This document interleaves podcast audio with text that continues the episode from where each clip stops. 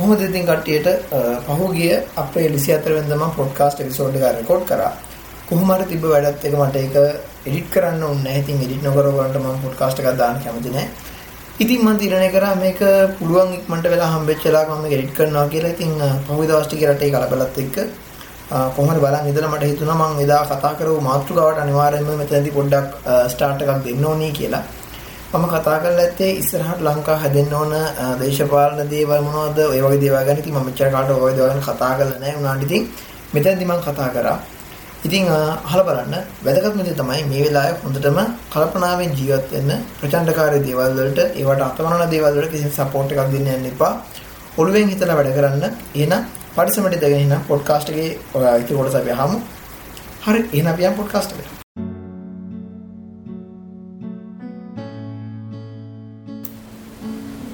Hello ඉතින් කොහමද කට්ටියට? ඉතින් ඔන්න ඔයගොල්ලෝ බලනවා ඇති මෙන්න මේ වුණුසයි යන්තම් ඇති පොඩ්කාස්ට් එකක් දාලා ඉතින් ඇත්තටම සෝරි කට්ටියට මේ මාස ගානක් පොඩ්කාස්ට් එකක් නොදා ඉන්න වෙච්ච එක ගැන. ඉතින් එකක් තමයි කැම්පස් එකේ වැඩයි. ඔය දේවල් එක තමයි ඇත්තටම පොඩ්කාස්ට් එකක් දාන්න වෙලාවක් නැති උනේ. ඉතින් කොහොම කොහම හරි දෙවි වැදගත්ම දේ වෙන්නේ ඔන්න පොඩ්කාස්ට් එපිසෝඩ් එකක් අරන් ඇවිල්ලා තියෙනවා.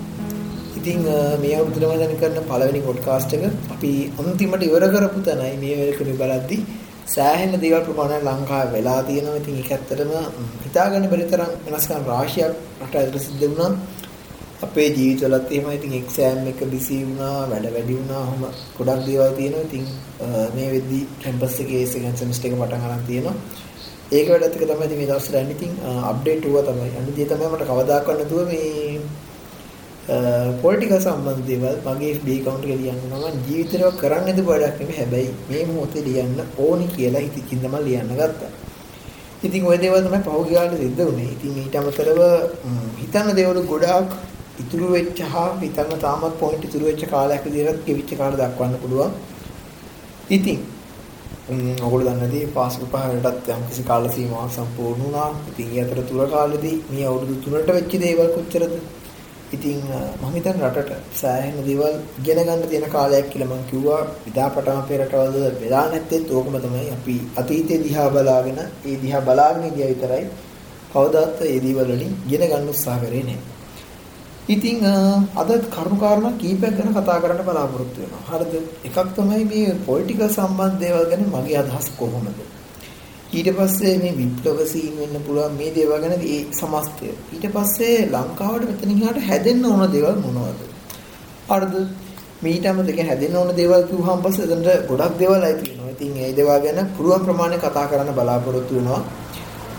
ඉතින් ඊට පස්සේ මේ දවස්වල අපි වැඩිපුරම අවධානය යොමු කරන්න ඕන දේවල් මොනවද? අපේ අවධානය වැඩියෙන් යොමු වෙන්න ඕන දේවල් මොනවද? ඔන්න ඔය කාරණේ.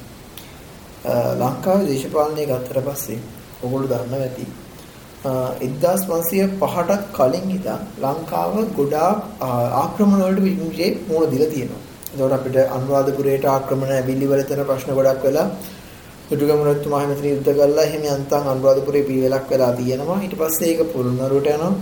පොළොන්නරු කාලෙදි කාලිංග මාගල ගහලා එහෙම ප්‍රශ්න වෙනවා. ඔහොම ඔයගොල්ලෝ දැකලා ඇති අපිට සැරිසරේට තව කවුරු හරි කට්ටියක් ලංකාවේ පාලනේ දුර්වල වෙනකොට විදේශීය මැදිහත් වීම වලට එරෙහිව සටන් කරන්න සිද්ධ වුණා. අනිත් පැත්තට 1505න් පස්සේ අපි 1948 දී නිදහස ලබන කාලේ වෙනකම්ම අපිට සෑහෙන්න අපිව පාලනය කරන්න උත්සාහ කරපු ඇත්ත එක්ක අපිට අපේ වචනේ කිව්වොත් එහෙම අරගන්න සිද්ධ වුණා කියලා අපිට කියන්න පුළුවන්. දැන් අපිට සුද්ධා හරියන්නේ නැහැ. ඒ කියන්නේ ඒක තීරුණේ අපිට 1815 ඉඳන් ටික දවසක් ගියාට පස්සේ. එතකොට ඉංග්‍රීසීන්ට එරෙහිව පළවෙනි කැරැල්ල සිද්ධ වෙනවා 1818 දී. ආය ඔය වගේම එකක් 1848 දී සිද්ධ වෙනවා. හරිද? මේ දේවල් ඔයගොල්ලෝ අනිවාර්යෙන් ඉතිහාස සම්බන්ධව අහලා එතකොට ඔහොම ඇවිල්ලා ඒ කියන්නේ නිතරම අපිට සිද්ධ වුණා පාලකයොත් එක්ක නිකන් අරගන්න ඔය සිද්ධියක්. ලංකාවට ඔය ඔයගොල්ලෝ ඔය පුරවැසියම කරලා තියෙනවා අහලා ඇති ඔය කෝල් ගෲප් සංස්කරණ. එතනින් පස්සේ ඕවා 1833 වගේ පටන් අරන් මතක 1947 සෝල්බරි මේ වෙගෙන කම්ම ඔය අපි මේ ව්‍යවස්ථාවේ ඒ කියන්නේ ඊවල සම්බන්ධ ප්‍රසංස්කරණ ගිහිල්ලා තියෙනවා. පස්සේ අපිට නිදහස හම්බ වෙනවා. ඒ කාලෙත් ප්‍රශ්න කරලා තියෙනවලු ඇත්තටම කියන්නේ නිදහස දීලා කියන්නේ සර්වජනසන්ද බලය වගේ දේවල් දෙන්න තරම් අපේ රටේ මිනිස්සු දේශපාලනිකව මැචුවද කියලා නැත්නම් අපේ මිනිස්සු පරණද කියලා. හැබැයි කොහොමින් කොහොම හරි නොහිතපු දෙයක් තමයි සිද්ධ වුනේ. නිදහස් සම්බෙලා අවුරුදු 70 ගානකට පස්සේ මේ 70 ගානෙම අපේ රට පාලනය කරපු අය සම්බන්ධව ලොකු අවුලක්. එහෙම නැත්නම් සාමාන්‍ය ජනතාව හා මෙතෙක් කාලයක් පාලනය ඉඳපුවා. හරිද? ඉදිමින් පවතින ඇත් එක විශාල අර්බුදයක් නැත්නම් මේ දෙකොල්ල අතර විශාල ගැප් එකක් හටගෙන තියෙනවා. දැන් ඔය වගේම නිදහස ලබාගත්තු රටක් තමයි 1947 දී තමයි ඉන්දියාව නිදහස ලබා ගන්න.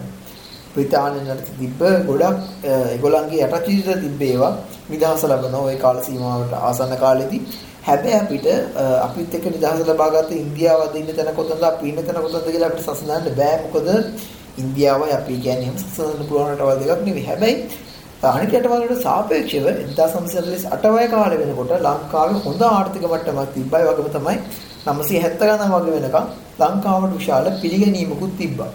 ඕගොල්ලෝ අහලා ඇති ඔය ජේ.ආර් ජයවර්ධන කොහෙද එක්සත් ජාතික සංවිධානය අමතලද මන් දන්නේ මේ ඔය ජපානයට අපි සමාව දෙමුයි කියලා නැහි වේරේන වේරාණි ගාතාව කියලේම එහෙම දීපු ඒ ඇඩ් එකක් එක්ක ලංකාවට ජපානය වහන්සේ සෑහෙන ප්‍රමාණයක් උදව් කරා. ඔය ඔය වගේ දේවලුත් ඒ කාලේ තිබිලා තියෙනවා. හරි. ඔගොල්ලෝ පරණ වීඩියෝ හැම දැකලා ඇති. ඒ කියන්නේ ලංකාවේ දේශපාලකයන්ට සම්බන්ධව. ඊට පස්සේ නොබැදි જાතීන්ගේ කී අපි ඉඳලා තියෙනවා.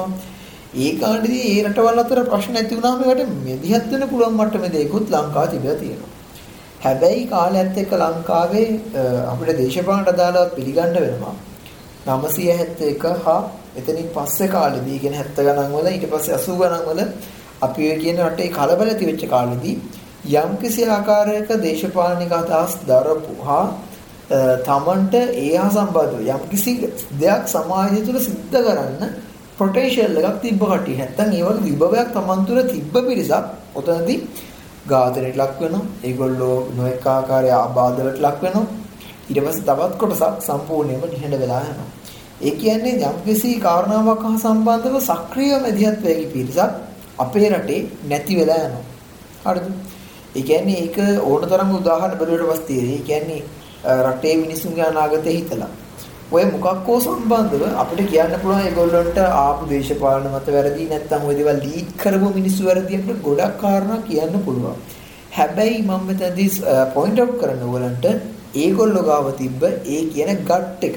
හා ඒගොල්ලන්ගේ තිබ්බ පොටෙන්ෂල් එක. කියන්නේ යම්කිසි දෙයක් සිද්ධ කරන්න ඕනි කියන එක තමන්ගේ ජීවිතේට ප්‍රශ්නයක් වෙනවා කියන එක දැන දැන ඒගොල්ලන්ට ඒ සඳහා ඉදිරිපත් වීමේ ඒ ඇම්ම කුමනාවක් කියන දේ තිබ්බා.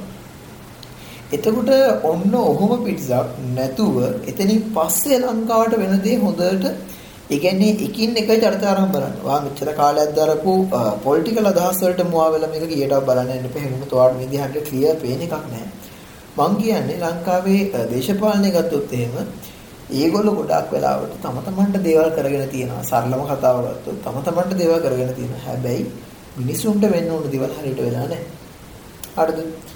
මෙතනදී ඊට පස්සේ එකක් තමයි මම දන්නේ ලංකාවේ විශාල පක්ෂ ප්‍රමාණයක් තියෙනවා. ඕවවලත් ඇත්තටම කියන්නේ මුල් කාලේ මේගොල්ලෝ ආපු තැන් වල නෙවෙයි දැන් ඉන්නේ.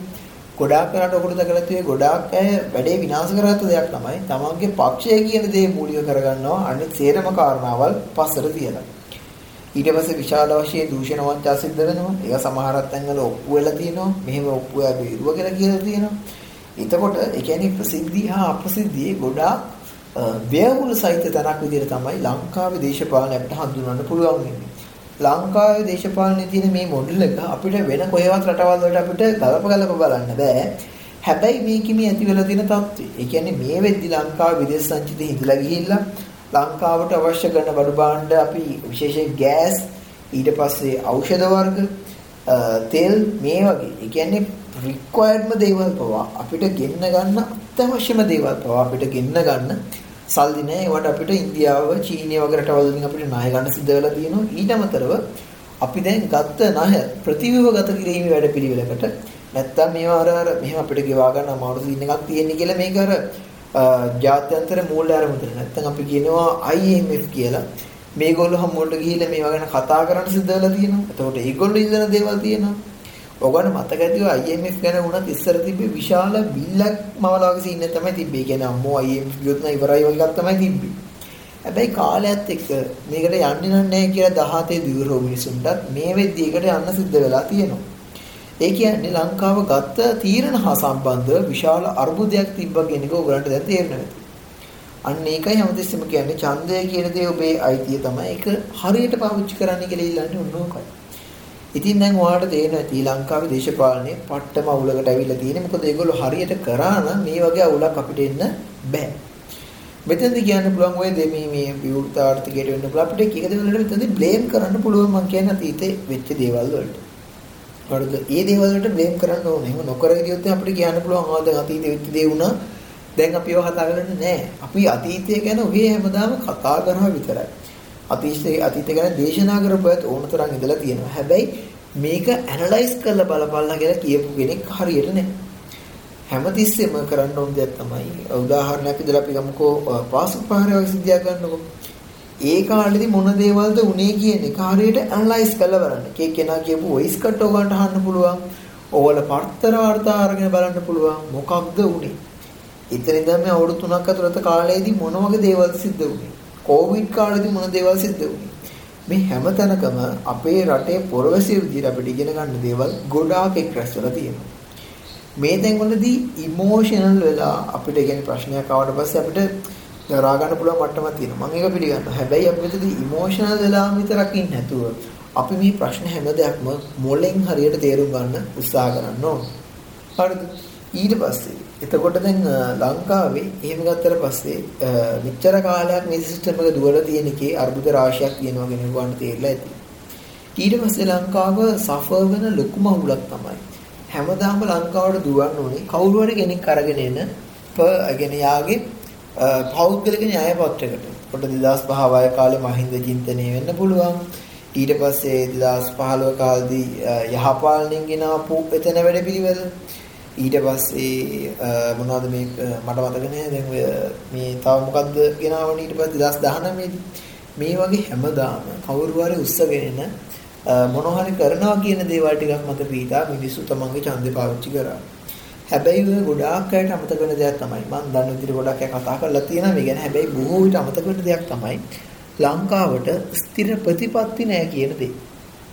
ලංකාවට නිශ්චිත විදේශ ප්‍රතිපත්තියක් ඊට පස්සේ ලංකාවේ ඇතුළේ දේවල් වලට සම්බන්ධ ප්‍රතිපත්ති ඔය වගේ දේවල් වල සෑහෙන අඩුපාඩු ගොඩක් ලංකාවේ තියෙනවා. ලංකාවේ නීතිය කියන දේ අලුත් වෙන්න ඕන. ඊට අමතරව නීතිය සම්බන්ධව පුරවැසියන්ගේ තියෙන දැනුමත්භාවය වැඩි වෙන්න ඕන.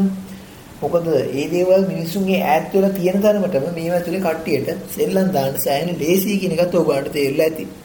මොකද ඕනම දෙයක් හා සම්බන්ධව ටිකක් එන වොයිස් එක බර කරලා කට ඇදලා කෑ ගහලා ඉගෙන ගුරුවක් කිව්වත් මිනිස්සු ඒ දේ පිළිගන්නවා. ඔගොල්ලෝ දකින්න ඇති ලංකාවේ එක්තරා ප්‍රසිද්ධ පුද්ගලයෙක්. එයා යම් කිසි ක්ෂේත්‍රය සම්බන්ධ හොඳ ප්‍රවීණෙක්, හොඳ දක්ෂ කෙනෙක්. ඒ වගේ තමයි බොහොම සංසුන්ව ඕනම දෙයක් කෙනෙක්ට තේරෙන්න කතා කරන්න පුළුවන් කෙනෙක්. ඉතින් එහෙම කෙනෙක් ප්‍රසිද්ධියේ මාධ්‍ය කියන්නේ රූපවාහිනී සාකච්ඡාවකදී එයා පස් නිර්මාණය වෙන ඉදී සම්බන්ධව ඇත්තටම එයාගේ දැනුම ප්‍රමාණයෙන් හෝ එයා ඒ දේ ගැන හොඳට දන්නවා කියලා හිතලා ඉවරලා පස නිර්මාණය වෙන්නේ මොන අතරද කියන එක ගැන එයා බොරුවක් කියනවා. ඒක බොරුවක් බවට ඉන්න පාංශු විශේෂඥයෝ දෙන්නෙක්ම එයාගේ මතයේ වෙලෙ මෙයා ගෙන ආපු තර්ක සියල්ලම කියන්නේ ඒවා විකණ්ඩනය කළ දාලා වෙලා කියනවා. ඇයි එහෙම බොරු කියන්නේ කියලා ඒගොල්ලෝ තනදී හරි මතේ ඉදිරිපත් කරනවා. මම කල්පනා කරේ දැන් අර කියන අර මිනිස්සු දෙන්න ඉදී නැත්තම් පාශු විශේෂඥයෝ මොතන ඉදී නැත්තම් උතන ඉදී සාමාන්‍ය දෙන්නෙක් නම් කවුරු හරි. හරිද නැත්නම් ඒගොල්ලෝ දී නැත්තම් අර මිනිස්සයා කිව්ව බොරුව උනත් සමාජගත වෙන්න පුළුවන්. මේක හරි පොඩි දෙයක් තමයි. පස නිර්මාණය වෙනවා වගේ බොහොම පොඩි කාරණාවක් තමයි. හැබැයි ලංකාවේ ලොකු අවුලක් තියෙනවා. අපි විශේෂයෙන් දැන් රූපවාහිනී මාධ්‍යයක් වගේ තැනකට ඇවිල්ලිවල කියන්නේ අපි අර මාස් මීඩියා එක කතා කරන එක වගේම. සෝෂල් මීඩියා වල වෙන්න පුළුවන්. ගොඩාක් තැන් වල තියෙන ලොකු අරුබුදයක් තමයි ඇත්තතොරතුරු මිනිස්සුන්ට හරියට යන්නේ නැති එක. එක එක කට්ටිය තමන්ගේ වාසියට ගලප ගන්න දේවල් ඕනම සිදුවීමක වෙන්න පුළුවන්. පහුගිය කාලේ රඹුක් කරන වෙච්ච සිද්ධිය වෙනවත් වෙන්න පුළුවන්. දැන් ඇත්තටම මේ වගේ සිද්ධියක් කියන්නේ අපි සෑහෙන ෂොක් වෙන දෙයක්. හැබැයි ඔය වගේම දෙයකට ඊට නුදුරු ඊට අවුරුදු 3කට කලින් මුණ දෙන සිද්ධ වුණා. මං කියන්නේ මිනිස් ජීවිතවලගේ එක එකක් වුණත් එකයි 300 ගාණක් වුණත් එකයි මිනිස් ජීවිතයක අගේ කියන දේ ඒක අපිට කිසිම දෙයකට මෙහෙම ගලපලා කියන්න බෑ ආපු අතන මෙච්චරයි මෙතන මෙච්චරයි කියලා අපිට එහෙම කියන්න බෑ. එතන ඒ නැතිවීම ඒ කියන්නේ ඒවල තියෙන කම්පන එක ඕකද කි කොච්චර ප්‍රමාණයක්ද කියන එක මිනිස්සු ඒක කොයිතරම් කාලෙ හිර කරගෙන ඉදියද කියන එක ඕගොල්ලෝ මේ දවස්වලදී ඕගොල්ලන්ගේ ඇස් අරගෙන කන් අරගෙන ඉන්නවා නම් ඕගොල්ලොන්ට දකින්නවා පේනවා ඇති. එතකොට ඔය ගොඩක් තැන්වල තියෙන අර්බුදය තමයි ලංකාවට ස්ථිර ප්‍රතිපත්ති නැති එක කියන එක තහවුරු වෙනවා ඇති. ප්‍රතිපත්ති හරියට නැති වුණාට පස්සේ ඕන කෙනෙක්ට ඇවිලි වල තමන්ට කැමති විදිහට මේ දේවල් වෙනස් කරගන්න පුළුවන්. තමන්ගේ තමන් අඳුරන ඇයට තමන්ට බලයෙන් උදව් කරපු කට්ටියට සපෝට් වෙන දේවල් වෙනස් කරන්න පුළුවන්. ඒක පැහැදිලිව අවුලක් කියන එක ලංකාව මේ වෙලාවේ මුණ දෙන සිටුේෂන් එක දිහා ඔයගොල්ලෝ බැලුවොත් ඔයගන්ට තේරෙයි. ඔයා දරන දේශපාලන මතේ ඕනම දෙයක් වෙන්න පුළුවන්. හැබැයි මිනිසු පාට පක්ෂව මොන විදියට වෙන් වෙලා ඉදියත් ඒ ඕනම කෙනෙක් ඉස්සරහා තමන්ගේ ජීවිතේ තමන්ට මුණ දෙන්න ඇත්ත කියන දේ හිතගත්තට පස්සේ ඒ ඕන කෙනෙක් ඇත්තටම ඒගොල්ලන්ට පිළිගන්න වෙනවා මේක තමයි වෙලා තියෙන්නේ කියලා. එතකොට වාගේ දේශපාලන මතයට සම්බන්ධව බලපෑමක් ඇති කරන්නේ නැහැ. හැබැයි ඔයා මේ වෙලා තියෙන හැමදේම ගැන පුළුවන් වෙලාවක හොඳට ඇනලයිස් කරලා ඉතල බලන්න. කවුරු කියන පළියට හෝ හරිද? නැත්තම් පේන පේන දේ හරි කියලා ඉතන විදිහට හරි. නැත්තම් වැඩි දෙයක් ඕනේ තාමත් ඔයාලට මේ රටේ අවුලක් නැහැ වගේ පේනවා නම් නිවුස් බලන channel එක මාරු කරත් කමන්නේ ඒක තමයි කියන්න වෙන්නේ. ඉතින් එතකොට ලංකාවට නිවැරදි ආකාරي හරිද අදාළ කාලවකවානුවට ගැළපෙන ආකාරයේ ප්‍රතිපත්ති නිර්මාණය වෙන්න ඕන. ඒක රටේ කෘෂිකර්මාන්තයට දාලා දැන් කෙරට කියන්න පුළුවන් යකෝ ලංකාවේ වල කනට වඩා වැඩි ප්‍රමාණයක් අපිට පිටරටින් ගෙනල්ලා කන්න දෙන්න පුළුවන් කියලා. දැන් තේරෙනවා පිටරටින් අපිට ගේන්න බෑ. අපි අනාථ වෙලා ඉන්නේ මට්ටමට. අපිට වෙනට වලින් යැපෙන්න සිද්ධ වෙලා තියෙනවා. ඉන්දියාවේ කොටින්ම කවදාකවත් නැතුව අපිට බංග්ලාදේශයෙන් අපිට ණය ගන්න සිද්ධ වුණා. හරිද? බංග්ලාදේශෙත් එක්ක අපේ දිනන්නේ පොඩි සීන් එකක් ක්‍රිකට් වලට ගත්තත් එහෙම විකට් එකක් ගත්ත ගමන් අයා ඩාන්ස් එකක් දාලා පොඩ්ඩක්. එහෙම සීන් එකක් වෙලා තියෙනවනේ. එතකොට ඒක ලංකාවේ ගොඩාක් තරුණ පරපුරටත් ඒක දැනුණා. චීනාගෙන් ඉන්දියාවෙන් ණය ගත්තට වඩා අර ටිකක් දැනුණා. රිදුණා කට්ටියට. හරිද? ඒ කියන්නේ එහෙම දැනෙන්න ඕන. ඊට කලින් ඒ ඔය අදාළ දේශපාලන තීන්දුව. ඒ කියන්නේ අපිට දේශපාලනය කියන්නේ අපි කොච්චර අවොයිඩ් කළද? මමත් ඇත්තට මේ ගැන පර්සනලි මම ලියන්න නැතුව ඉඳී ඔය දේවල් සම්බන්ධව. ඕන තරම් මීම් ෂෙයා කරලා තියෙනවා ස්ටේටස් දාලා තියෙනවා. ඒ වගේ දේවල් කරනවා. හැබැයි කවදාකවත් යාළුවෝ එක්ක ඔය සම්බන්ධ කතා කරලා තියෙනවා. හැබැයි අරම මම FB එකේ මම කවදාකවත් ඔය දේවල් කතා කරන්න ගියේ නෑ ඇත්තට හැබැයි හිතුණා මේක තමයි මේ දේවල් කතා කරන්න මොන මොහොත කියලා. එතකොට ලංකාවේ නිශ්චිත ප්‍රතිපත්ති නැතිකම් ඉන්නේ. දැන් අර කුෂිකර්මාන්තය වගේ මාතෘකාවකට දිහා අපි ආය හැරුණොත් එහෙම ලංකාව ඇත්තටම විශාල ප්‍රමාණයක් කට්ටිය දේවල් වගා කරනවා ඒ දේවල් කරනවා. හරිද? එතකොට ඒ දේවල් සම්බන්ධව බලන්න අපි හිතමුකෝ අපි හිතමු කුඹුරක් කරන මිනිස්සෙක් කියලා. කුඹුරක් කරන මිනිස්සෙක් ගත්තොත් එහෙම එයා මොනතරම් ප්‍රශ්න ප්‍රමාණය මුහුණ දෙනවද? එයාට මුහුණ දෙන්න වෙන ප්‍රශ්න මෙන්න එහෙම මං කීපයකට එක කඩලා උගන්න කියනවා. එකක් තමයි ඒගොල්ලන්ට නිසි ආකාරයේ හොඳ බීජ ලබා ගැනීමේ ප්‍රශ්නයක් මතුවෙනවා කාලයකට. අපකොළ දැකලා ඇති නිසි ප්‍රමිතියට නැති බීජ. නැත්නම් අපි හිතමුකෝ බිත්තර වීහරියම කියලා. මේ වගේ දේවල් එකෙන් ලැබෙන්න ඕන දේවල් හරි ඔය ගොඩාක් වගාවන්ට දාලව නියම බීජ නිෂ්පාදනය කරගැනීමේ නොහැකියාව කරන. නැත්නම් කලින් ඔයගොල්ලෝ ඒගොල්ලෝ හදන්න ගිහිල්ලා ප්‍රශ්නයක් වෙලා නැත්නම් ලැබෙන්න ඕන දේවල් වල අවුලක් ඉඳ හරි පටන් ගන්න තැනම ඒ කියන්නේ හරියම බීජ නොතිබ්බොත් කොයිතරම්නම් අපිට අනිත් සාධක තිබ්බත් වැඩක් නැහැ වගා කරන එක සෑහෙන අරුබුදයකට යනවා. හරිද? ඉතින්නකෝ මොකක් හරි බාල ප්‍රමිතියක් සහිත මෙහෙම බීජ හම්බුණා කියලා මේ මිනිස්සුන්ට. ඒකට වැව්වට පස්සේ නිසි ආකාරයේ ඵලදාවක් ලබා දීමේ හැකියාවක් ඒවට නැත්තම් තේරෙනවද දැන් අවුලක් වෙනවා කියලා. ඊට පස්සේ ඒගොල්ලෝ මුණ දෙන අවුලක් තමයි විශාල අලතුරයක් තමයි වතුර කියන එක. වර්තමානයේ තියෙන කාලගුණ තත්ත්ව, දේශගුණ තත්ත්ව අපිට එකපාරට ප්‍රෙඩික්ට් කරන්න බෑ. හරිම අන්ප්‍රෙඩික්ටබල් විදිහට තමයි මේවා වැඩ කරන්නේ.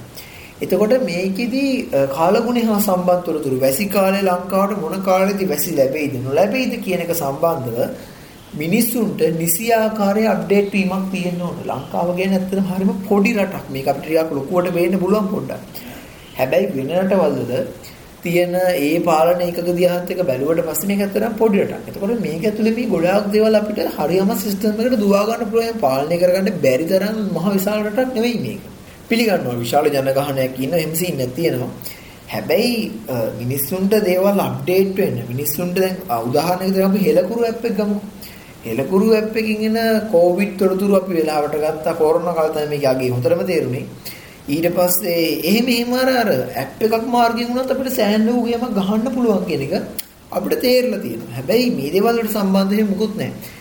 නිසි ආකාරයට වැසි ලැබෙන්නේ නැති වුණාට පස්සේ වැස්ස හරියට ලැබෙන්නේ නැති වුණාම ඒගොල්ලන්ගේ කුඹුරු වලට ලැබෙන්න ඕන නියමාකාරයේ වැස්සක් ලැබෙන්නේ නැහැ. නැත්තම් වෙන්නේ අම්මට සිරින වටේ මෙස්සක් වැහැලි වල අර මුළු වගා කරපු සේරම වගාවන් විනාශ වෙලා යනවා. ඒ කියන්නේ මේ ලැබිය යුතු මේ වතුර ගිය වැස්ස කියන එක නිසි ආකාරය ලැබෙන්න ඕන. අනිත්‍ය තමයි ගොවි බිම් වලට අවශ්‍ය කරන ජලය බෙදා දීමේ යාන්ත්‍රණ හරි ආකාර සිද්ධ වෙන්න ඕන. එකම නම් මම දැක කොහේ හරි දිහාවක මේ මිනිසුත් එක කේන්තියට ඒ සොරවුව වහලා දාලා ඒක අර අර තියෙනනේ අරන මේ වගේ කට්ට කට්ට ඒක කවුරු හරි වෙල්ඩින් කරලා දාලා ගිහිල්ලා. එතකොට දැන් වෙල්ඩින් කරලා දාලා කියලා ඊට පස්සේ මොකද වෙන්නේ? මේක සම්පූර්ණයෙන් කපලා වෙනම process එකක් අරන් තමයි අර හරි ගස්ස ගන්න ඕනේ වෙන්නේ. ඒකට විශාල වෙලාවක් වැය වෙනවා. හරිද? ඔන්න ඔය වගේ ඒ දේවල් සම්බන්ධ උදාහරණයක් විදිහට මේ කියන්නේ මෙතනදී මම කියන්නේ ඒ වතුර ලබා දෙන කට්ටිය ඊට පස්සේ ගොවි ජනතාව මේගොල්ලෝ අතර තියෙන කමියුනිකේෂන් අවුල. හරිද? ගොවි ජනතාව වගා කරන්න බලාපොරොත්තු වෙන කාලෙදී නිසි ආකාර වතුර ලැබෙන්නේ නැහැ. ඒතකොට මේ මිනිසුන්ට වතුර ඉදලා උද්ඝෝෂණ කරන්න වෙනවා. ඊට පස්සේ මේක ගිහිලිවල වාරි මාර්ගයකට එක ඒගොල්ලෝ අරගන්නවා. අන්න ප්‍රශ්නයක් මතුවේ. අපි හිතමු වතුරත් හරියට ලැබිලා, බීජත් හරියට තිබිලා ඒ මිනිසුන්ට ඊගාවට බලපාන ප්‍රශ්න මොනවද? එයාට ලොකුවට මොන දෙයක් තමයි පෝර. දැන් දකින්න නැති පෝර ප්‍රශ්නේ කියන දේ ලංකාවේ එකපාරට මේ මේ සේරම එකපාරට අපිට කාබනික වගා ක්‍රමයකට යන්න කියලා අපිට කියන්න බැරි වෙන හේතුව ඕගොල්ලන්ට දැන් පේනවා ඇති. තීරණ ගත්ත ඇතේ තීරණ වැරදි කියලා මේ වෙද්දි පිළි අරගෙන තියෙනවා. හරිද?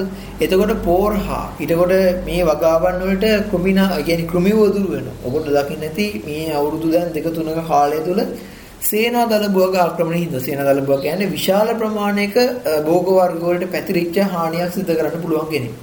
මං දන්නේ නැවුව අහුව නැවුවනේ හැමදේම කෑවා දැක්ක විදියට.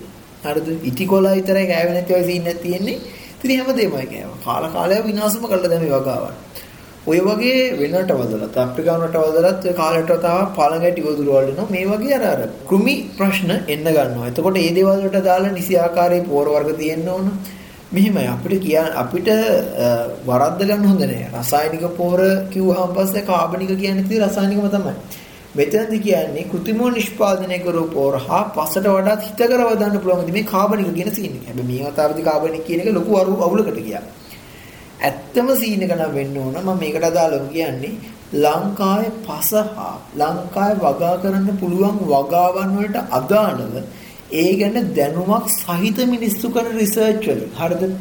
ලංකාවේ විවිධ ප්‍රදේශ තියෙන වගා කරන ඒ ප්‍රදේශවල තියෙන පස ගැන අධ්‍යයනය කළා. ඒ මොකද මෙහි තියෙන මේ පස වගේ නෙමෙයි තව දිහාවක තියෙන පස. ඒක වෙනස් වෙන්න පුළුවන්. එතකොට ඒ ප්‍රදේශ වලට අපිට කොයි වගේ දෙයක්ද ගැලපෙන්නේ? වියලි කලාපය කරන වගාවන් වලදී වෙන්න පුළුවන්. මේ දේවල් අපි රිසර්ච් කරන්න ඕන. ලංකාවට රිසර්ච් ඇන්ඩ් ඩෙවලොප්මන්ට් වලට මහා ගණන් මිලියන ගණන් ෆන්ඩ් එයි කියලා දිනයක් අපිට මේ පේන දෙයක් මානක නෑ මෙහෙම. 2030 කාල 40 කාලයක් හම්බෙයිද දන්නේ නෑ. එහෙමෙදි මොනවා වෙලා තියෙද කියලා දන්නේ නෑ. හැබැයි ලංකාවේ පවතින විශ්වවිද්‍යාල පද්ධතියනොත් ඕන තරම් රිසර්ච් මන් දන්නවා කරනවා. හැබැයි ඒවල තියෙන ප්‍රතිඵල කියන දේවල් එහෙම හබක් වෙලා යනවා. කරපු මිනිස්සුයි ඒවා ඒව ඉදිරිපත් කරපු දැන විතරයි දන්නේ. අනිත් අය කවුරුවක්වත් මේක ගැන දන්නේ නැහැ. එයා සම්බන්ධ කිසිම අප්ඩේට් වීමක් ඇත්තේ නැහැ.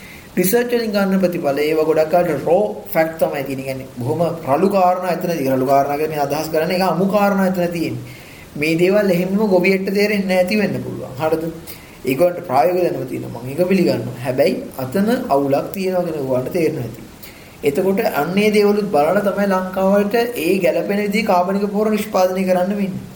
රටේ බලන්න මොනතරම්නම් මේ මෙන්න මේ කොළ තියනවද රටේ මොනතරම් පිදුරු තියනවද කියලා මේක කරන්න පුළුවන් කෙලියක් නෙවෙයි කියන කොට තේරෙන්නේ. මොකද මේක ටොන් ගණන් නිෂ්පාදනය කරන්න. ඒ දේවල් ඒ කියන්නේ අපිට අවශ්‍ය වෙන දේ නිකන් සතියක් හදලා දුරුනාට පස්සේ ඔක්කොම ඉවරයි නම් වැඩක් නැහැ. එතකොට එහෙනම් අපිට මේ දෙක මික්ස් එකේ තමයි යන්න වෙන්නේ. එතකොට ලෝකේ අනිත් රටවල් මේ මේ වගේ ක්‍රම වලට එමු චැනල් රටවල් අරන් තියෙන ඇක්ෂන් මොනවද කියන දිහාත් අපි බලන්න ඕනේ. එහාමතු වෙච්ච ගැටලු මොනවද කියලාත් බලන්න ඕනේ. එහෙම නැතුව මේ එක රැංගි කස්සම් පාරකින් ආයන රටට රසායනික පොරේ භාගය ලස්සම් කරනවා වගේ දෙයක් කියන්නේ එතනදී විශාල අර්බුදයක් මතුවෙනවා මේ වෙද්දිත් එහෙම වගාවන් වලට දාලා ලොකු අවුලක් නිර්මාණය වෙලා තියෙනගෙන වඩ පෙහිලා ඇති. ඒ වගේම තමයි අපි හිතමු දැන් ඔය පෝර ටිකත් හරියට ලැබුණා කියලා දැන් වතුරත් හරියට ආවා ඒවත් හරි ඊට පස්සේ හොඳ බීජ හම්බුණා. ඊගාවට මේ මිනිස්සු මුහුණ දෙන ලොකු ප්‍රශ්නයක් තමයි වනාලි හානි.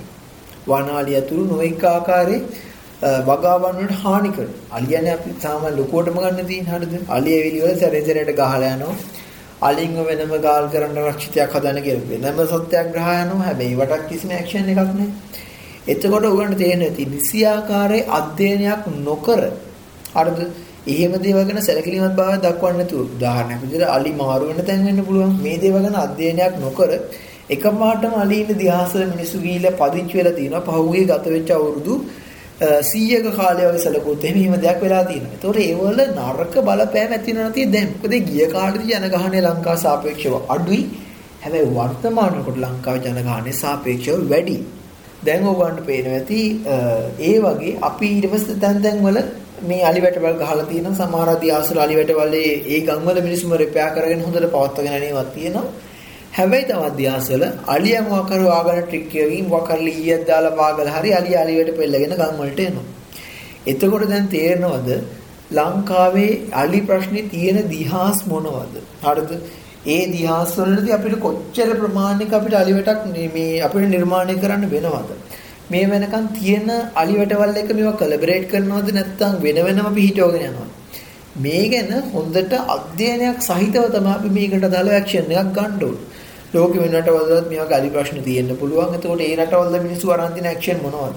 ස්වභාවිකව අලින්ම මේ අදාළ සීමාවල් වලින් අවොයිඩ් කරලා තියන්නේ. ඒ වගේ අපිට පාවිච්චි කරන්න පුළුවන් වගාවන් තියෙනවද? මම හදන සාමාන්‍ය මීමැසි පාලනයෙන් ඊට පස්සේ තල් ගස් වලින් ඔය වගේ දේවල් හරහා මේක පාලනය කරන්න පුළුවන් කියලා. ඊට පස්සේ මට මතකයි සමහරක් අය ඔය අධිදෙනි තරංග නිකුත් කරන ඒ කියන්නේ සාමාන්‍යයෙන් වර්ග මීටර 500ක වගේ ප්‍රමාණයක් කවර් කරන්න පුළුවන් විදිහක යන්ත්‍ර හැදුවා.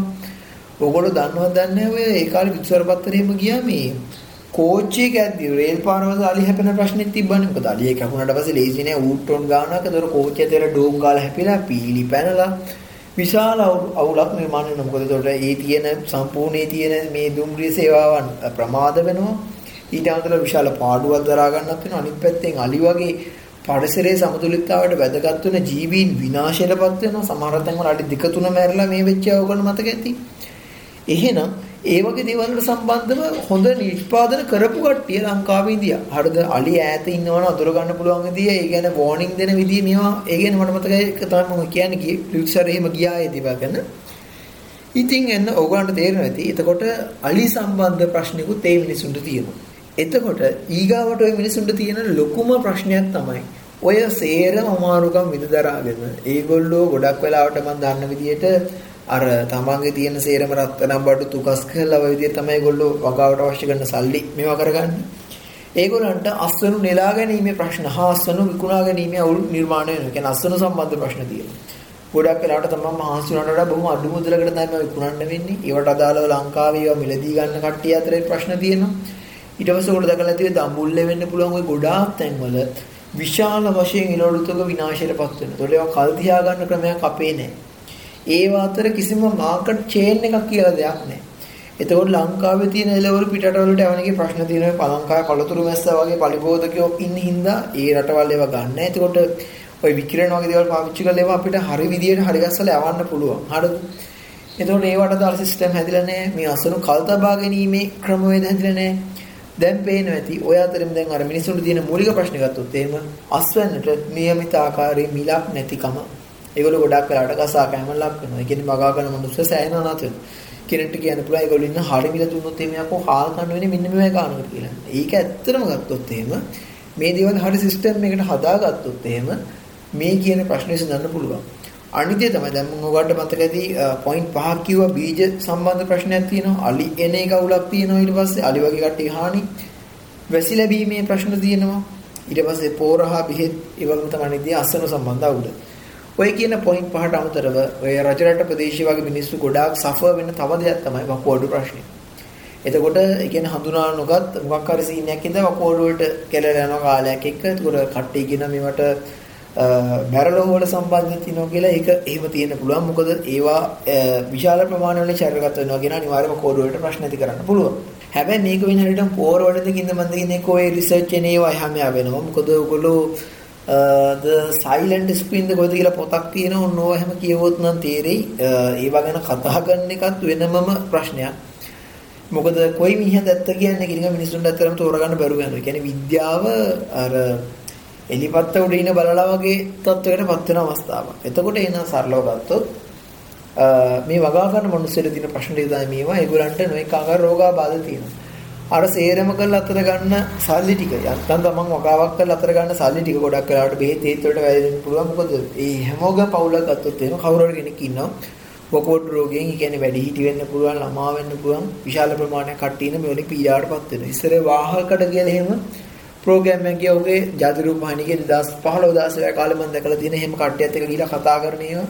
ඔය මම කිව්වේ ලංකාවේ ගොවියට අදාළව තියෙන මේ ප්‍රශ්න පොයි. ඒ කියන්නේ ඕනම ආකාරයක වගාවක් කරන කෙනෙක්ට මේ කියන ප්‍රශ්න වලට මුහුණ දෙන්න සිද්ධ වෙන්න පුළුවන්. දැන් තීවවන මිනිස්සුන්ට ගත්තොත් හරියම පැලහවා ගන්න කී ඉඳන් ඒගොල්ලන්ට එහෙම ගොඩක් අවුල් තියෙන පුළුවන් පෝර නැතිකම. දැන් ඔයගොල්ලෝ දැකලා තියෙ යූරියා එහෙම පෝර එහෙම මම දැක්ක අසාමාන්‍ය මිල වැඩිවීමක් එක දරා ගන්න බෑ මිනිස්සුන්ට. එතකොට ඒ වල එහෙම ප්‍රශ්නයක් තියෙනවා. ඒ කියන්නේ ලංකාවට දැන් තේරෙනා නේද? විදේශ ප්‍රතිපත්තියම ගත්තොත් සමහරක් ගිවිසුම් අස්සම් කරලා තියෙන එක වෙච්ච විදියක් දන්නේ එතකොට ඒක ඇත්තට අවුලක් කියලා වුණාට තේරෙන්නේ මොකද යටි ජනතාව දන්නේ දැන් සමහරක් වෙලාවට පාර්ලිමේන්තු විනය දන්නේ ඒක අස්සම් කරන්න පස්සේ අන්න එහෙනම් එතන අර්බුදයක් තියෙනවා කියන එක වට තේරෙන්නේ නැති. ඒ කියන්නේ විදේශ ප්‍රතිපත්ති වෙදේවලට දාලා ඒ කියන්නේ ඒක වෙනම ජාත්‍යන්තර සම්බන්ධතාව වගේ දෙයක් කියන්නේ ඒක විෂයක් වෙනම. හරිද? අපිට හිතෙන කෙනෙක් නැත්තම් ජනතා ආකර්ෂණයේ තියෙන කෙනෙක්ම පත් කළා යවුවයි කියලා හරියන්නේ නැහැ ඒකට. ඒ සබ්ජෙක්ට් එක දන්න මිනිහෙක් වෙන්න ඕන. හරිද? ඕකෙම තව පොයින්ට් එකක් තමයි මොනවා හරි දෙයක් සම්බන්ධව සබ්ජෙක්ට් එක හරියට දන්න මිනිහා තමයි ඒකේ ඔය වයිට් කෝට් රොබරිස් කියන්නේ. ඒකේ හරියටම ගේම ගහන්න දන්නේ ඒගොල්ලෝ. හරිද? හැබැයි ඒ දේවල්වල සුසුකම් තියෙන ඒවා දූෂිත නොවන කරක්ට් නොවන කට්ටිය තැන් වලට තෝරලාපත් කරන්න ඕන. ලංකාව වගේ රටක් ගත්තොත් අපේ තියෙන ස්වභාවික සම්පත් අපිට අම්මට සිරි වෙන්න තියෙනවා වගේ එකක් අපිට එන්න අමාරුයි. මොකද අපිට ගල් අඟුරු වගේ දේවල් ඊට පස්සේ කණ්ඩිජ තෙල් වගේ දේවල් එහෙම දේවල් ලංකාවේ නැහැ. අපිට යුරේනියම් නිදි වගේ දේවල් අපේ රටේ පිහිටලා නැහැ. හැබැයි අපේ තියෙන දේවල් තියෙනවා. සෑහෙන ප්‍රමාණයක් අපේ රටේ තියෙන දේවල්. මම මෙතන අදහස් කරේ ලංකාවට ස්වභාවික සම්පත් නැහැ කියන එක නෙවෙයි. වැඩත් තැනින් අල්ලගන්න එපා. තියෙන සම්පත් තියෙන මේ දේවල් නියමාකාරයෙන් ඒ වලින් ප්‍රයෝජනයක් ගන්න ඕන. එකටමත් අගින් ලංකාවේ අපිට නිපදවන්න පුළුවන් හොඳම දේ තමයි මොනවා හරි දෙයක් හා සම්බන්ධව ඒ ගැන තියෙන දැනුම අපිට තියෙනවා. අපේ ඇයි තියෙන දැනුම දැන් බලන්නකෝ මොනටෝ කැම්පස් එකේ කොල්ලෙක් කරන මොකක් හරි නවනිපැවුමක් ගත්තොත් එහෙම ස්වභාවයෙන් ලංකාවේ කට්ටියගේ නවනිපැවුම් වල මෙන්න මේ ලක්ෂණ ඕගොල්ලෝ දැකලා නැද්ද? ඒ තමයි ඒගොල්ලෝ මොකක් හරි ගන්න නිෂ්පාදනය. හරිද? ඒකට යන නිෂ්පාදන පිරිවැය ඒගොල්ලෝ සෑහෙන අඩු කරගෙන ඉන්නවා. නැත්නම් ඒක යාට හදාගන්න බෑ. මේක විශාල ප්‍රමාණයකින් නිපදවන්න පුළුවන් තත්ත්වකින් තමයි ඒගොල්ලෝ මේවා කරන්නේ. දැන් අපිට කියන්න පුළුවන් මේ අයියෝ ඉතින් ඔහොම කොච්චර හාගත්තද ඔයාලට මතකද දැනේ මීතර මුල්ල කුණු කන්ද නායකයාට පස්සේ. මම මතකයි කොල්ලෙක් බාස් එන්ජිම කෙනුත් මේකක් හදුවා. YouTube එකේ ඔයගොල්ලෝ හොයලා බලන්න ඒ කාලේ වීඩියෝස් තියෙනවා. මේ මහරෑ විද්‍යා තාක්ෂණ වේදී අමාත්‍යවරයා ගිහිල්ලා බලපු අපේ රටේ තරුණයෙක් කරපු මැෂින් එක වගේ ඒ කාලේ තිබ්බා. හරිද එකක YouTubers කාලෙන් කාට ගිහලා ඒගොල්ලෝ කතා කරලා තියෙනවා. හැබැයි ඒ ඒ දේවල් වලදී මම දැක්ක අර කිව්ව ලක්ෂණේ තමයි. ඒවා උඩට ආවේ නෑ. ඒක ඇත්ත. එකඟයි. හැබැයි තියෙන ලක්ෂණය තමයි ඒ දේවල් වලට නිෂ්පාදන පිරිවේ අඩුයි. ආ ඉවතරන දේවල් වලින් තමයි ගොඩාක් අය ওই නිර්මාණ සිද්ධ කරන්නේ. එතකොට ඒකේ මොන හරි වර්තමානයේ තියෙන ප්‍රශ්නයක් විසඳන්න පුළුවන්. හැබැයි වගුතම වලට පේටන්ට් ගන්න ගියාම නම් විශාල අර්බුද ගොඩක් තියෙනවා. ඉතින් ඒවත් වෙනම හොයලා බලන්න ඒවල විශාල අවුලක් තියෙනවා ලංකාවේ රටවල් වල ඒ දේවල් වලට දාලා. එතකොට ඒ කියන්නේ මේ දැන් ඔය කිව්ව කරුණු සියල්ල දිහා බලුවට පස්සේ වාට තියෙනවා ඇති අපේ වගේ රටවල් වලට දැනුම තමයි හොඳටම මාකට් කරන්න පුළුවන් දේ. එතකොට අර වගේ නිෂ්පාදනය කරන්න පුළුවන් කට්ටිය ඉන්නවා. එහෙම දේවලුත් තියෙනවා. හරිද? එතකොට ලංකාවේ රටවල් වලට අවශ්‍ය වෙන්නේ නිකම් ආවට ගියට තියෙන විදේශ සම්බන්ධතා නෙවෙයි. මොකද අපිට වඩා සාපේක්ෂව බලවත් බවින් වැඩි රටවල් එක තමයි අපිට ගන්න දෙන කන්නේ. ඉන්දියාව ගත්තත්, චීනය ගත්තත් මේගොල්ලෝ ආසියාවේ ඉන්න විශාල බලවත්. දැන් ඉන්දියාව ගත්තොත් දකුණු ආසියාව මෙයා තමයි නිකන් අර අර තදය ලොකු අයියා වගේ. පාකිස්තානෙත් එක ප්‍රශ්න තියෙන. යාට චීනෙකත් ප්‍රශ්න තියෙන. ඔහොම තියෙන්න පුළුවන්. හරිද? හැබැයි එතකොට ওই වගේ රටවල් එක්ක වැඩ කරනකොට ඒගොල්ලන්ගේ බලපෑම කියන දෙස් භාවයෙන් අපි අතර එල්ලනවා. එහෙනම් මේ නිකන් බලපෑම් නැති වගේ දෙයක් නම් හිතන්න බෑ. හරිද? එතකොට ලංකාව රටවල් වලට ඕන වෙනවා උපක්‍රමශීලී විදේශ සබත්. හරිද? එන එන කිවිසුමට හොයි ගාලි වල මේ ලංකාවේ ආ වරායද ආ මෙන්න ගනින් ආ මෙන්න ගුවන්තොට පොළද මෙන්න ගනින් වගේ එකක් ලංකාවට සෙට් වෙන්නේ නැහැ. දැන් පේනවනේ මේ වගේ දේවල් වලට සමාජයෙන් කොයිතරම් ලොකු විරෝධයක් තියෙනවද කියලා. සෑහෙන පොරවල් වගේ සමාජයේ ලොකු රෙපියුටේෂන් එකක් තියාගෙන ඉදී. ඒ කියන්නේ ඒගොල්ලෝ කරලා තියෙන දේවල් මොන දේවල් වුණත් මිනිසුන් විශාල ගෞරවයක් තිබ්බ කට්ටිය අද වෙනකොට පත් වෙලා තියෙන தත්ත්වය දිහා වා හොඳට ඇස්සරලා බලන්න. එතකොට තේරෙන ශ්‍රී ලංකාවේ ප්‍රතිපත් සම්බන්ධව විශාල ප්‍රශ්න තොගයක් තියෙනවා. ඒ කියන්නේ ලංකාවට ප්‍රතිපත්ති කියන දේ නිර්මාණය වෙන්න ඕන. මේවා අපිට කියන්නේ ඔය සදාකාලික ප්‍රතිපත්ති වලට අපිට යන්න දෙයක් නෑ. හැබැයි අඩුම ගානේ අවුරුදු 15කට 20කටවත් වළංගු වෙන මට්ටමේ දේවල් වෙන්න ඕනේ. ඒවා ගොඩක් ෆියුචරිස්ටික් වෙන්න ඕනේ. අනාගතය ගැන හිතලා කරන ඒවා වෙන්න ඕනේ.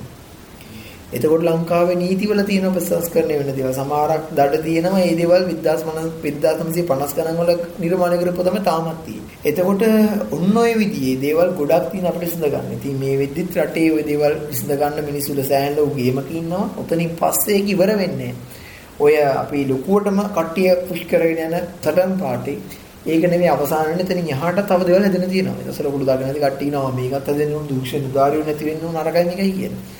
මුලින් එක දෙයක් ඉවර කරගෙන ඊට පස්සේ ඊළඟ දේවල් වලට යන්න පුළුවන්. කොහොම හරි මේ වෙද්දි ලංකාවේ තියෙන සිටුේෂන් එක ගත්තොත් එහෙම ඕගොල්ලෝ අපි ඔක්කොමලා සෑහෙන හිත කලබල ස්වභාවයක් තමයි තියෙන්නේ. මීට අමතරව අපට පරිසරයේ වෙන දේවල් දිහා දැකලා භාණ්ඩවල මිල වැඩි වෙන හැටි දැකලා ලංකාවේ උද්ගමනය වෙන්න පුළුවන්. ඒ කියන්නේ වා මේ වෙලාවේ ඇස් අරගෙන ඉන්න කෙනෙක් නම් සැබෑ ප්‍රශ්න තේරුම් ගත්ත කෙනෙක් නම් ඔයාට මේ දේවල් වඩාත් හොඳ දැනෙන්න අරගෙන ඇති. ඔයා වාහනයක් ගන්න ඉදියන වාහනේ ගැන තියෙන හීනේ දැන් සිමෙන්ති කොටයක් 2000 ගාණක් විතර වුණාට පස්සේ කොයිද ගෙවල් හදන්න මේවා කරන්නේ. පට්ට සල්ලියක් තියෙන මිනිහෙක් ඇත්තරම ඒවා කරගන්නේ. හරිද? නැත්තම් වෙන රටක වැඩ කළා ලොකු සල්ලි ප්‍රමාණයක්, ඒ කියන්නේ ලොකු ප්‍රාග්ධනයක් අතේ තියෙන කෙනෙක් ඒක ඒවා කරගන්නේ. හැබැයි මේ වෙනකොට සාමාන්‍ය මිනිසෙට තමන්ගේ දේවල් කරගන්න ඒ දේවල් ඒ කියන්නේ ගොඩක් කලාට මේ තරුණයෝ කියන්නේ අපේ වයසේ කට්ටිය ඉඳන් ගත්තොත් මේගොල්ලන්ගේ ඩ්‍රීම්ස් කියන දේවල් ඊට පස්සේ ඒව ඇත්තටම ඩ්‍රීම්ස් නම් ගොඩක් වෙලාට ලෙෆ්ට් කරලා දින ගොඩක් අය බලාපොරොත්තු වෙන ඉක්මනට ලංකාවෙන් පැනගන්න එක. ලංකාවේ නටකට ය아가න්න එක. ඊට පස්සේ ඒගොල්ලන්ගේ බලාපොරොත්තු කියන දේවල් ඒ පැත්තටම පණ අදින මට්ටමට වැටෙනවා තියෙනවා. එතකොට ඒවා බලන් ඉන්න බැරි කමේ වේදනාව තමයි කෝල් ෆේස් වල ගෝට ගෝග මාරහා දිගෑරෙන්නේ. දැන් දැන් වල උද්ඝෝෂණවල FB එකේ ෂෙයා කරන පෝස්ට් එකක් ඊට පස්සේ මේ වෙලාවේ තියෙන තත්ත්වය ගැන පැහැදිලි කරන මීම් එකක් වීඩියෝ එකක් කොටිම මේ මේ මට මේ වගේ පොඩ්කාස්ට් එපිසෝඩ් එකක් ගැන තනිකර මේ ලංකාවේ පොලිටිකල් තියෙන ප්‍රශ්න වගේ දේවල් ගැන කතා කරන එපිසෝඩ් එකක් කරන මට උඩ පත්වලා තියෙන්නේ මේ දේවල් වල තියෙන සැබෑ අර්බුදය ගැන කතා කරන්න අවස්ථාවක් ලැබිලා තියෙනවා. ඒතර කෙන්ට අහන්න බෑ. ඊබල කලින් කතා කරන්නේ නැති මේවා වෙන්න කලින් කියන්න එපා කියලා. ඒගොල්ලන්ගේ අහන්න තියෙන්නේ වෙන්න කලින් කොච්චරනම් දේවල් කට්ටිය පැහැදිලි කරලා කිව්වද? ඒ වගේම තමයි. ඒ දේවල් නිදහසේ කතා කරන්න පුළුවන් සිටුේෂන් එක මීට අවුරුදු 3කට කලින් තිබ්බ. නෑ. අන්න එහෙ නැතොල ඔයගොල්ලෝ කියන කතාව වළංගු වෙන්නේ නැහැ. එතකොට මම මෙතන මේ කියාගෙන ආපු දේ තමයි වටපිටාව තියෙන සෑහෙන කලබලකාරී පරිසරයක්. තාමත් කොටසක් ඉන්නවා ඒගොල්ලෝ මේ ප්‍රශ්නේ දැනෙන්නේ නැහැ වගේ නෑ. හැබැයි ඒගොල්ලන්ට දැනෙන මොහොතක් එනවා. මේ විදි ලංකාවේ විශාල රෝවල් විශාල ප්‍රමාණයක ඖෂධීන් ගැප් පවතුනා කියලා ඔයගොල්ලෝ දකින්න තියෙන්නේ ඊයේ පෙරදා පාර්ලිමේන්තුවේදීම ඔය සෞඛ්‍ය අමාත්‍යවරයා පිළි අරන් තියෙනවා. ඒ කියන්නේ මට මතක නෑ දැන් අලුතින් ඉන්නේ කියන ආත කලින් දී කියන දේ මම චන්න දේශම නෙවෙන්න ඕන. එතකොට ඒගොල්ලෝ එහෙම පිළි අරගෙන තියෙනවා. ඊට අමතරව පොඩ දැකලා ඉතින් FB එකේ එහෙමත් කට්ටිය දමාගෙන එක එක හොස්පිටල් වලට ඒ දේවල් හොයලා දෙනවා. එතකොට මේක තමන්ගේ කෙනෙක්ට ලෙඩක් වෙලා කෙලවෙනකම් ඉන්න එපා මේ දේ තේරුම් ගන්න. තමන්ට වෙන කෙනෙක්ට ආරම්භ වෙනවා නම් තමන්ටත් ওই දේ තමයි වෙන්නේ කියන එක තේරුම් ගන්න. ආවුලක් නැහැ මට නම් තෙල් තියෙනවා මට නම් ගෑස් තියෙනවා කියලා අපිට ඉන්න පුළුවන්. අපේ පැත්ත ලයිට් කපන්නෙත් නැහැ කියලා ඉන්න පුළුවන්. හැබැයි මේ ප්‍රශ්නේ වාට කොයි වෙලේ හරි වාට සම්මුඛ වෙච්ච වෙලාවක හරිද වා සෑහෙන සරණ ඒ හින්දා සෙල්ෆිෂ් වෙන්න එපා මේ වෙලාව හොඳට හිතන්න ගන්න. නිකන් ඉමෝෂනල් හිතන්න නෙවෙයි. හොඳට තාර්කිකව හිතලා බලන්න මොකක්ද මේ වෙලා තියෙන්නේ. මොනවද කරන්න පුළුවන් දෙය කියලා. ඉතින් ඒ කියන කට්ටියත් එක්ක මට කියන්න තියෙන්නේ අපේ හිත සෑහෙන කලබලයි. එකටම අපිට කරන්න පුළුවන් දේ තමයි මම දැක්ක මේ ගෲප් කීපේ කතා කරලා තියෙන මේ දවස්වල ඔළුව සෑහෙන කලබලයි මොකද්ද කරන්න පුළුවන් කියලා. මොකද ෆ්‍රීලාන්ස් කරන කෙනෙක් හිතන ෆයිවර් ගන්න කෙනෙක් ඌට වෙලාවට ක්ලයන්ට් එක කියන්න අනේ අපේ රටේ ලයිට් කපනවා ඒ හින්දා මට පොඩ්ඩක් මෙන්න මෙච්චර වෙලාවක් දෙන්න. නැත්තම් ඊ අදාළ ඕඩර් එක නියම වෙලාවට යවා ගන්න විදියක් නැහැ. ක්ලයන්ට්ලා බෑඩ් රිවිව්ස් දානවා. ලංකාවේ උන්ට වැඩ බාර දෙන්නේ නැහැ වගේ ඒවා යන්න ගන්නවා. ඊට පස්සේ තමන්ගේ හොඳට කරන්න පුළුවන් වැඩේ කොහේ හරි ඉන්න වෙන කෙනෙක්ට ඒක යන්න පුළුවන්. ඊට පස්සේ තමන්ට ආපු වැඩක් වෙන කෙනෙක්ට බාර දීලා ඔය සද්දන කර බලාගෙන ඉන්න සිද්ධ වෙන්න පුළුවන්. තේරෙනවද? ඒ කියන්නේ ඔළුව සෑහෙන කලබලයි ඔළුව එක තැනක නැහැ. එතකොට ඇත්තටම කරන්න වෙන්නේ තමයි මේක ගොඩක් අයට තියෙන ප්‍රශ්නයක් හින්දා මම මේ කතා කරනවා ස්ටුඩන්ට් කෙනෙක් වුණත් ඔයාට ඒ කියන්නේ වා යුනිවර්සිටි ස්ටුඩන්ට් කෙනෙක් වෙන්න පුළුවන් නැත්නම් ස්කූල් යන කෙනෙක් වෙන්න පුළුවන් ඔය ඕන මට්ටම කෙනෙක් වෙන්න පුළුවන්. ඊට පස්සේ වා ජොබ් එකක් කරන කෙනෙක් ඕනම ලෙවල් එක කෙනෙක්ට විදාසල ඔළුව සෑහෙන්න කලබල ස්වභාවයක් වෙන්නු කරනවා. අපිට පුළුවන් අර වෙනදා කරන දෙයක් කරන්නේ තමයි අර අර නිවුස් නොබලා ඉන්නේ. කොයි වගේ දේවල් කරන්න පුළුවන්. හැබැයි මේ වගේ කාලෙක අපි සිරාටම අප්ඩේට් වෙන්න ඕන. හරිද? කො බඩු මිල කියලා යන්නේ කොහොමද ඔය දේවල් නොබලා ඉඳියොත් ඒ මාට පස්සේ වෙලාවක සිද්ධ වෙන හානිය ඊටට වැඩි. එහෙනම් අපිට මේ මේ වෙලාවේ අර අමාරුවෙන් හරි මේ දේ කාගෙන ඉන්න සිද්ධ වෙනවා. ඒකට එකටම කරන්න පුළුවන් තමයි මේ ඇතියලා තියෙන தත්ත්වය තේරුම් ගන්න එක. තේරුම් අරගෙන ඊළඟ ලෙවල් එකෙත් බලන්න මොනවද මේකට ගන්න පුළුවන් විසඳුම් මොනවද? මට මොනවද මගේ ඔළුව ක්ලියර් කරන්න මට මොනවද කරන්න පුළුවන්? කෙනෙක් ටික බැරොක් මියුසික් එකක් අහන්න වෙන්න පුළුවන්. තව කෙනෙක් ටික මොකක් හරි හිතෙනට මේ කියන්නේ අර අර හිතෙනට මේ කියන්නේ සංසුන් කරන ෆිල්ම් එකක් බලන එක වෙන්න පුළුවන්. හැබැයි වා තමයි දැන් තව කෙනෙක් එක ගේම් එකක් ගහන එකක් වෙන්න පුළුවන්. ඒතකොට වා තමයි දැන්නේ වාගේ තියෙන ලයිෆ් ස්ටයිල් එකත් ගත්තට පස්සේ වාට වඩාත්ම පැට්‍රිකල් වෙන සුගම දන්නේ ඔයා විතරයි. ඒ හින්දා ඒක සැලකිලට අරගෙන තමන්ගේ තියෙන ලයිෆ් ස්ටයිල් එකත් එක්ක තමන්ට ෆ්‍රී ටයිම් එකක් හම්බෙන විදිහත් එක්ක දැන් අපි ෆිල්ම් එකක් ගත්තොත් දැන් පැය දෙකක් දෙකමාරක් තුනක් වගේ මේක බලන්න සිද්ධ වෙන්න පුළුවන්. ඔයාට එහෙම නිශ්චිත වෙලාවක කපාට වෙන් කරගන්න බැරි කෙනෙක් වෙන්න පුළුවන්. නැත්නම් ඔයා ඉන්න සිටුේෂන් එක ඔයාට ෆිල්ම් බල බල ඉන්න බැරි වෙන සීන් එකක් වෙන්න පුළුවන්. හැබැයි ඔයාට පුළුවන් විනාඩි 5ක් කරනවා කැනල් සින්දුවක් අහලා රිලැක්ස් කරගන්න. ඒ වගේ රිලැක්සින් මියුසික් තියෙන ඒ වගේ දෙයක් අහන්න. හරිද? නැත්තම් උඹට පුළුවන් මොකක් හරි පොතක් කියවන වගේ දෙයක් කරන්න. මේ වගේ නැත්තම් පොඩි නිසසක් ලියන එක නැත්තම් මේ මේ වෙලා තියෙන දේ ගැන කාට හරි බැනලා බැනලා කොලේක ලියලිවල එක ඕන ගිනි තියලා දාන්නත් පුළුවන්. මේවත් කොයි විදිහක මානසික විරේකයක් තමයි. නැත්තම් ඔයාලා බලන්න ඩයරි එකක් ලියන්න.